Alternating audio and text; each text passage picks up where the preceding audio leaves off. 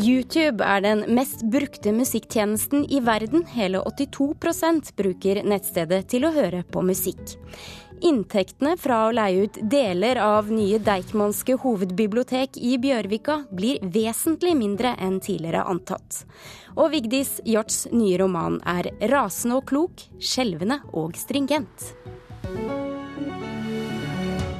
Velkommen til Kulturnytt. Mitt navn er Stine Tråholt. Nettstedet YouTube er den mest brukte musikktjenesten i verden, men betaler ikke nok for musikken, mener plateselskaper og artister. Nå viser en ny rapport at 82% bruker tjenesten til å høre på musikk. Musikkbransjen håper at EU snart vil tvinge YouTube til å måtte betale for musikken på nettstedet på den måten som andre strømmetjenester gjør for musikk. Open Gangnam Style. Fortsatt har ingen slått mest sett-rekorden til koreanske Psy. Hans Gangnam Style er sett over to milliarder ganger på YouTube. Nettstedet viser seg å være den viktigste kilden til musikk for svært mange. Det tapes mye penger på at en del av brukerne, og særlig den yngre befolkningen, velger YouTube fremfor lisensierte tjenester sånn som Spotify og Tidal. Marte Thorsby er direktør i platebransjens organisasjon IFBI Norge. Hun er bekymret over denne utviklingen. Gjennom Spotify og Tidal så tjener jo både plateselskaper og, og, artister penger, eh, mens man i langt mindre grad eh, får noe penger ut av YouTube. Og denne Undersøkelsen viser jo at eh, ganske mange av de brukerne som i dag bruker YouTube, hadde benyttet de lisensierte tjenestene hvis ikke YouTube hadde vært en gratis tjeneste. Undersøkelsen Thorsby snakker om er gjort av analysebyrået Ipsos på vegne av IFBI. YouTube har én milliard brukere, og mer enn åtte av ti av dem bruker altså nettstedet til å lytte og se på musikkvideoer. At det får konsekvenser for både artister, komponister og plateselskap er åpenbart, sier Daniel Norgård, som forsker på musikkbransjen ved Universitetet i Agder. Så er jo dette her et stort landskap, et stort lerret å bleke når det gjelder å definere uh, forskjeller uh, mellom YouTube og, og andre tilsvarende aktører som, som Spotify og Tidal. Men jeg tror det, det, er den, det, er den, diskusjonen eller den kampen som, uh, som aktørene nå begynner å forberede seg på. Og det er nok ikke tilfeldig at rapporten fra IFBI kommer nå, tror Norgård. EU jobber nemlig med et lovforslag som kan endre reguleringen av YouTube, og tvinge nettstedet til å betale opphavsmennene på samme måte som f.eks. Spotify. Platebransjen har ønsket seg dette lenge, og kan vinne frem denne gangen, tror forskeren. Jeg tror i hvert fall at de vil komme lenger enn de har gjort tidligere, rett og slett fordi at de er mer forent med andre konkurrerende aktører i markedet.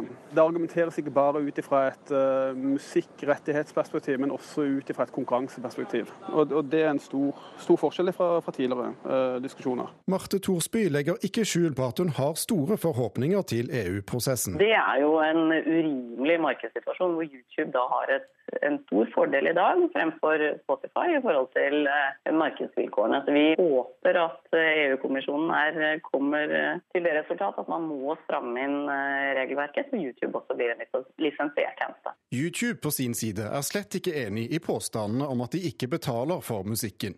Det sier Jan Grønbekk, advokat i Google, som eier YouTube. YouTube samarbeider med musikkindustrien og har hittil utbetalt over 3 milliarder dollar til Eh, rettighetshaverne i de forskjellige landene. De aller fleste land har også lisensavtaler med YouTube, eh, som f.eks. Eh, Tono i Norge. Reporter Thomas Alvarstein Ove. Audun Molde, musikkviter og førstelektor ved Westerdals Oslo Akt. Hva kan plateselskap og artister gjøre med dette? Først er det viktig å si at det går an å tjene penger på YouTube, og det er det mange som gjør. Eh, men det er på en helt annen måte enn man tjener penger på f.eks. Spotify. Da. Og det er også viktig å understreke at YouTube gjør jo ikke noe galt eh, eller ulovlig, men de forholder seg til et lovverk fra forrige århundre som eh, vi hørte i reportasjen mange mener da er urimelig at de gjør i dag.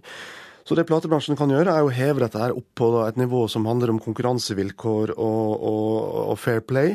Eh, innenfor næringen. Og dette har jo også med bærekraft innenfor kreativ næring å gjøre. Og det har med å gjøre at et lovverk fra da YouTube starta opp YouTube har blitt noe helt annet i dag enn det var da det starta opp, som vi alle vet.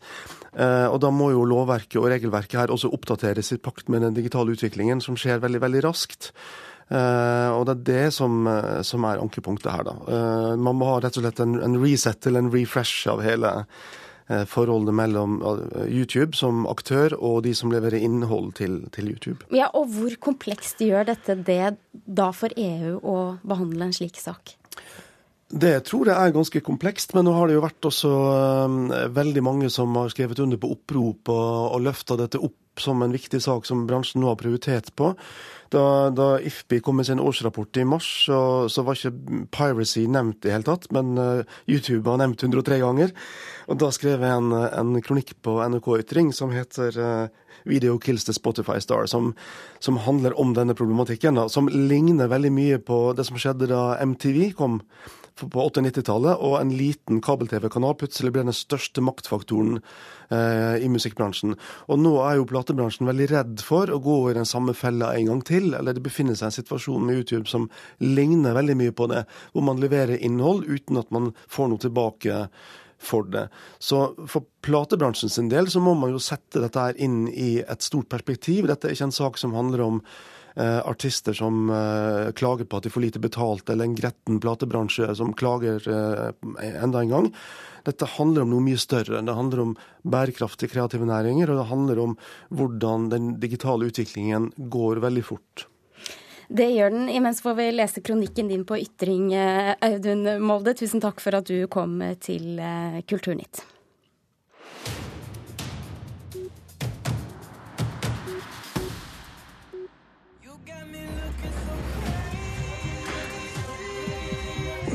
Anastasia. This time, no rules, no punishments, and no more secrets. Og dette er lyden av en film som mange gleder seg til. Reporter Petter Sommer, hva dreier dette seg om? Dette er det som VG skriver at er husmorporno. Mørkere husmorporno, skriver avisa i dag. Det er eh, selvfølgelig traileren til Fifty Shades Eh, Darker, som ble sluppet eh, i natt. Eh, denne filmen som da kommer 14. februar, Valentine's Day, akkurat som den forrige filmen til neste år. Det er nummer, film nummer to av tre i rekken av filmene om Anastacia Steele og denne finansmannen Christian Grey, som nå etter hvert alle kjenner til. Den første fikk jo ganske dårlige kritikker her til lands, som det er mange som husker det. Ehm, likevel så var det en av de mest sette filmene i fjor, så det er nok mange som kommer til å se den når den kommer til neste år, den nummer to. Og ellers i avisen i dag så står det mye om overgangen fra FM-radio til DAB. Det gjør det. I Dagbladet så står det at eh, Norges Automobilforbund, NAF, altså, de forlanger en bekreftelse på at nei, beredskapsnivået med DAB blir fullgodt. Kringkastingssjef eh, Tor Gjermund Eriksen har nemlig sagt eh, at DAB vil gi økt, nei, økt sikkerhet og beredskap. Og nå etterlyser da NAF en bekreftelse på dette fra Direktoratet for samfunnssikkerhet og beredskap på at, på at dette virkelig er sant. Og Så skriver også Dagens Næringsliv en sak om at 1,3 millioner norske biler mangler DAB foreløpig, så det er en liten jobb å gjøre. Men når skal FM-nettet slukkes? Eh, ja, altså eh, Det skal på en måte ikke slukkes eh, ordentlig neste år, men NRK og de store landsdekkende kanalene de begynner slukkingen allerede i januar, så det haster å få seg DAB og sånn. Men i fjor så bestemte Stortinget at lokalradioene skal fortsette å få lov til å sende på DAB da, nei, på FM fram til 2021. Tusen takk, reporter Petter Sommer. Et nærmest samlet kritikerkorps hyller Vigdis Hjorts nye roman 'Arv og miljø'. En bok om en fars incest og en mor som ikke vil se det. Anne Katrine Straume, litteraturkritiker i NRK, hva går din begeistring ut på? Det er en tekst som fremstår både rasende og kontrollert på en gang. Eh, og det tenker jeg er eh, veldig, veldig godt gjort. At man kan både ha det febrile og det sylskarpte analyserende. Og dette handler om blikket som ser, om hvem som eier en sannhet. Og det å bli anerkjent og få sannheten sin anerkjent av andre. Kan du hjelpe oss å dra oss litt inn i handlingen her? Vi har en jeg-forteller her som heter Bergljot. Hun er midt i 50-årene.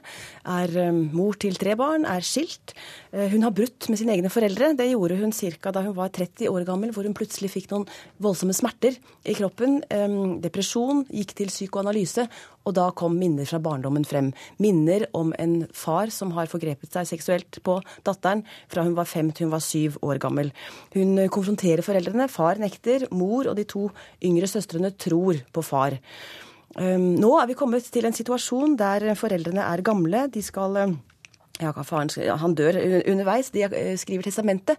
Eh, og arveoppgjøret viser at de to yngste søstrene skal arve familiehyttene, to hytter på Hvaler, mens de to eldste ikke skal arve. Um, og foreldrene begrunner dette med at ja, men det er jo de yngste som har vært her, vært med oss alle somrene, de har hjulpet oss.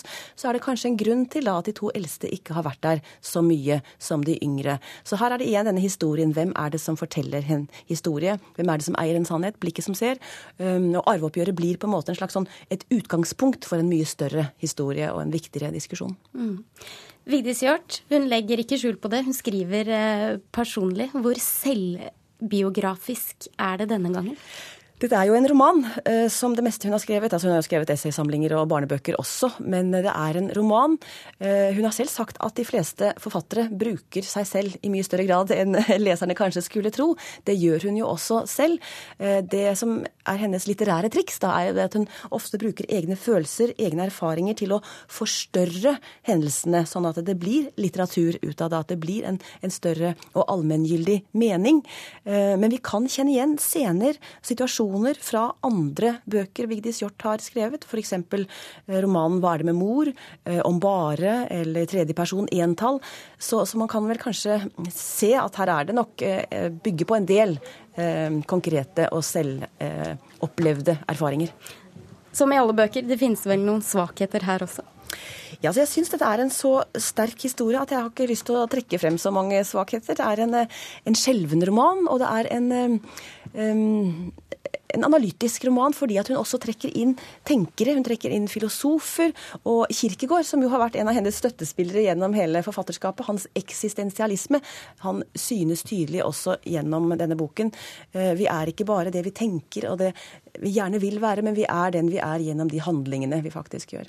Vigdis Hjorth har fått Kritikerprisen, Gyllendalprisen, Aschehougprisen, Brages hederspris. Hvordan vil du plassere denne boka i forhold til resten av forfatterskapet? Jeg vil si at Det er en av hennes sterkeste bøker. og I de siste årene så har hun jo skrevet mer eksplisitt politisk. Denne gangen så er det mer en slags sånn eksistensiell kjerne hun eh, borer i. Hva er det som gjør oss til et moralsk og ansvarlig menneske? Og hvis vi kan være moralsk og ansvarlig, så kan vi kanskje også nå en frihet gjennom det. Og dette får hun fint frem i romanen 'Arv og miljø'. Takk, Anne Katrine Straume. Du hører på Kulturnytt, og klokken er nå 16 minutter over åtte. Og dette er hovedsakene i denne Nyhetsmorgen. Årets konfirmanter får til sammen to milliarder kroner i pengegaver. Ifølge en undersøkelse fra DNB får hver konfirmant i snitt 40 000 kroner, noe som er 7000 kroner mer enn i fjor. Russiske myndigheter avviser at de har hatt noe å gjøre med datainnbruddet i den internasjonale antidopingbyrået WADA. Russiske datasnokere publiserte i går sensitive medisinske opplysninger om amerikanske medaljevinnere fra OL i Rio. Og tilstanden er alvorlig, men stabil for Israel sin tidligere president Shimon Peres. 93-åringen har fått slag, og sykehuset opplyser at han er lagt i kunstig koma.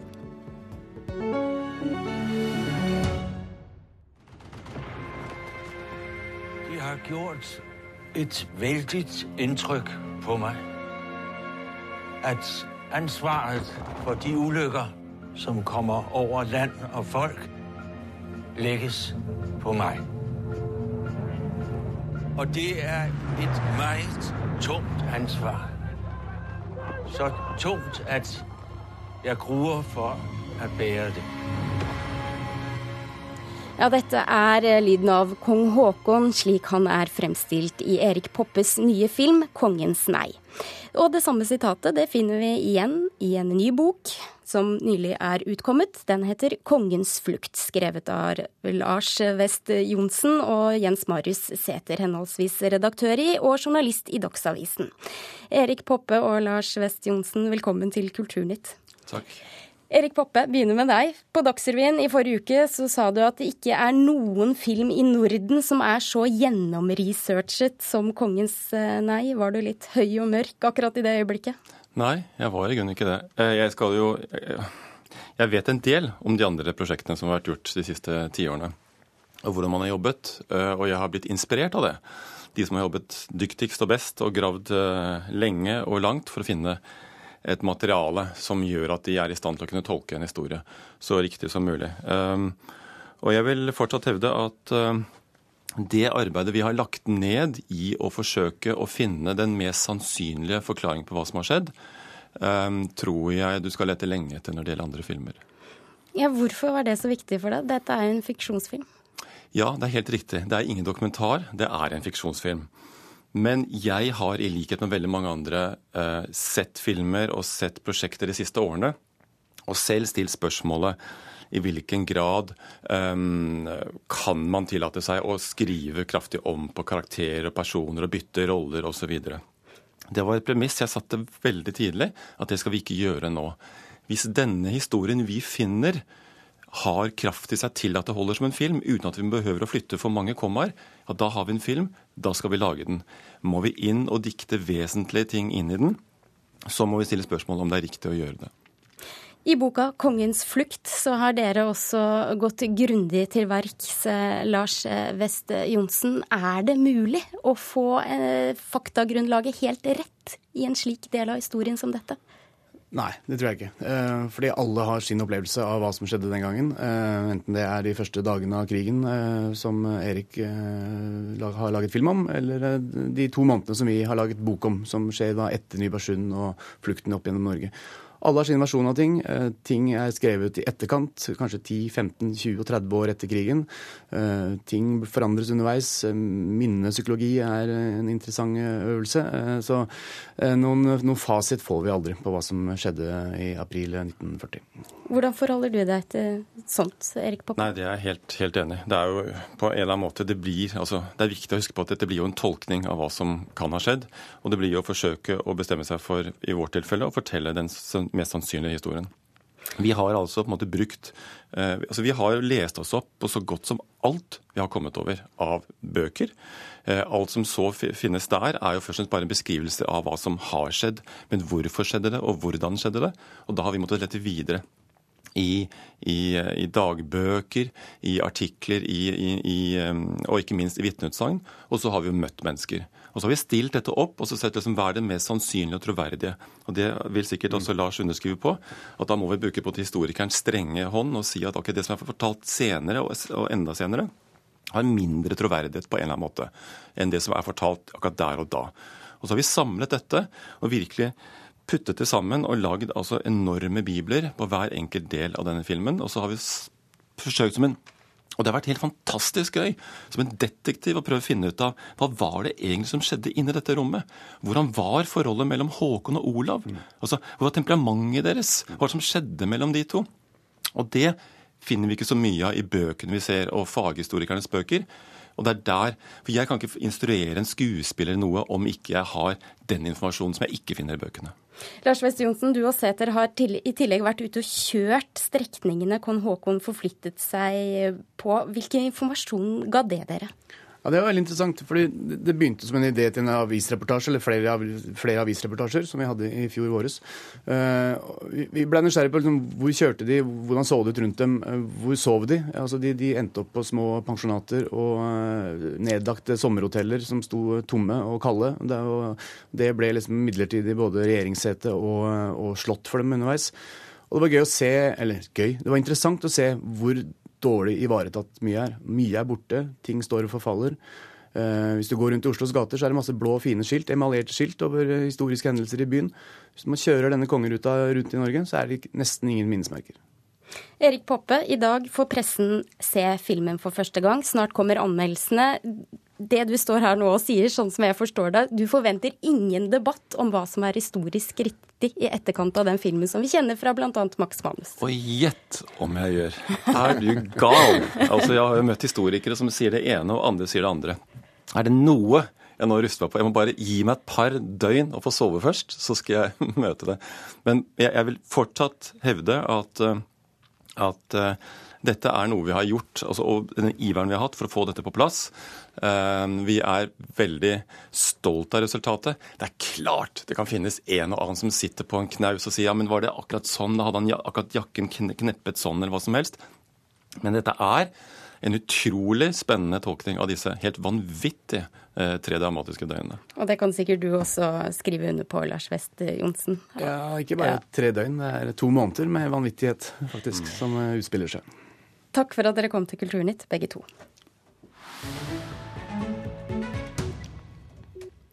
Det er galskap å leie ut store deler av Deichmanske hovedbibliotek i Oslo og sitte igjen med småpenger i leieinntekter. Det mener tidligere kulturbyråd og nåværende kulturpolitisk talsmann i bystyret, Holstein Bjerke fra Venstre. Nye beregninger viser at leieinntektene blir langt lavere enn det som var først antatt. Denne rapporten den understreker jo absurditeten i å leie ut eh, arealer som vil gå på bekostning av bibliotekets kjernefunksjoner. Og så skal du tjene 12-13 millioner i året på det som tross alt er en milliardinvestering. Dette er galskap. For oss er 17 millioner kroner mye, og det er ikke absurd og det er ikke galskap å, å tenke økonomi. Det kan vi bygge fotballbane for, det kan vi eh, gi til eldreomsorg, det kan vi prioritere på mange gode måter. Svarer ansvarlig byråd for byggeprosjektet, Geir Lippestad. Grunnen til at Bjerke opererer med 12-13 millioner kroner og Lippestad med 17, er at Bjerke ikke inkluderer leieinntekter fra serveringsarealene, fordi de har ligget inne hele tiden, også før det nye byrådet i desember i fjor besluttet å leie ut inntil 40% av nye Deichman for å bedre økonomien i prosjektet. Inntektene er uansett langt unna de 50 millionene som byrådsleder Raimond Johansen ifølge Aftenposten håpet på den gang, og de 26-30 millionene som kultur- og idrettsbygg først anslo. Ja, ikke så mye som vi skulle ønske oss av inntekter, men det er viktig også at det ikke går på bekostning av biblioteksfunksjonene. Og det mener vi har fått til begge deler. Sier Geir Lippestad. En ny beregning basert på tall fra to uavhengige næringsmeglere viser dels at kommunen overvurderte kvadratmeterprisen selv i Bjørvika, og dels at inntektene blir enda lavere fordi arealene som skal leies ut til kurs og konferanser og midlertidige tilstelninger i områder som også biblioteket skal kunne bruke. Noe av inntektene kommer fra fast utleie. Det er kontorer, og det er en stor kafé. Og det er bra for, for alle som kommer inn i biblioteket, at det er en stor, god kafé der. Eh, men vi kunne ikke ta for mye til fast utleie, for da ville det gått utover eh, biblioteksfunksjonene. Men disse arealene, som f.eks. konferansesenteret, det kan jo leies ut når ikke biblioteket bruker det. Da er det en effektiv bruk av arealene. Når du bygger et bygg til 2,5 milliard, og så tar du 40 av bygget eh, og bruker til noe annet enn det formålet du bygde det for, og så sitter du igjen med småpenger, det mener vi er galskap. Og Det er nå snart uh, ti måneder siden byrådet bestemte seg for å leie ut uh, areal i biblioteket. Og det er helt utrolig at de fortsatt ikke har konkludert hvem som skal stå for utleien, og at de ikke klarer å si uh, hvem som skal få lov til å leie seg inn der. Reporter Olav Juven. I disse dager eh, så er det Oslo arkitekturtriennale som går av stabelen for sjette gang. Og festivalen kan skryte på seg stor interesse fra pressefolk i hele Europa. Mona Palle Bjerke, kunst- og designkritiker her i NRK. Hvor stort er det som skjer i Oslo akkurat nå?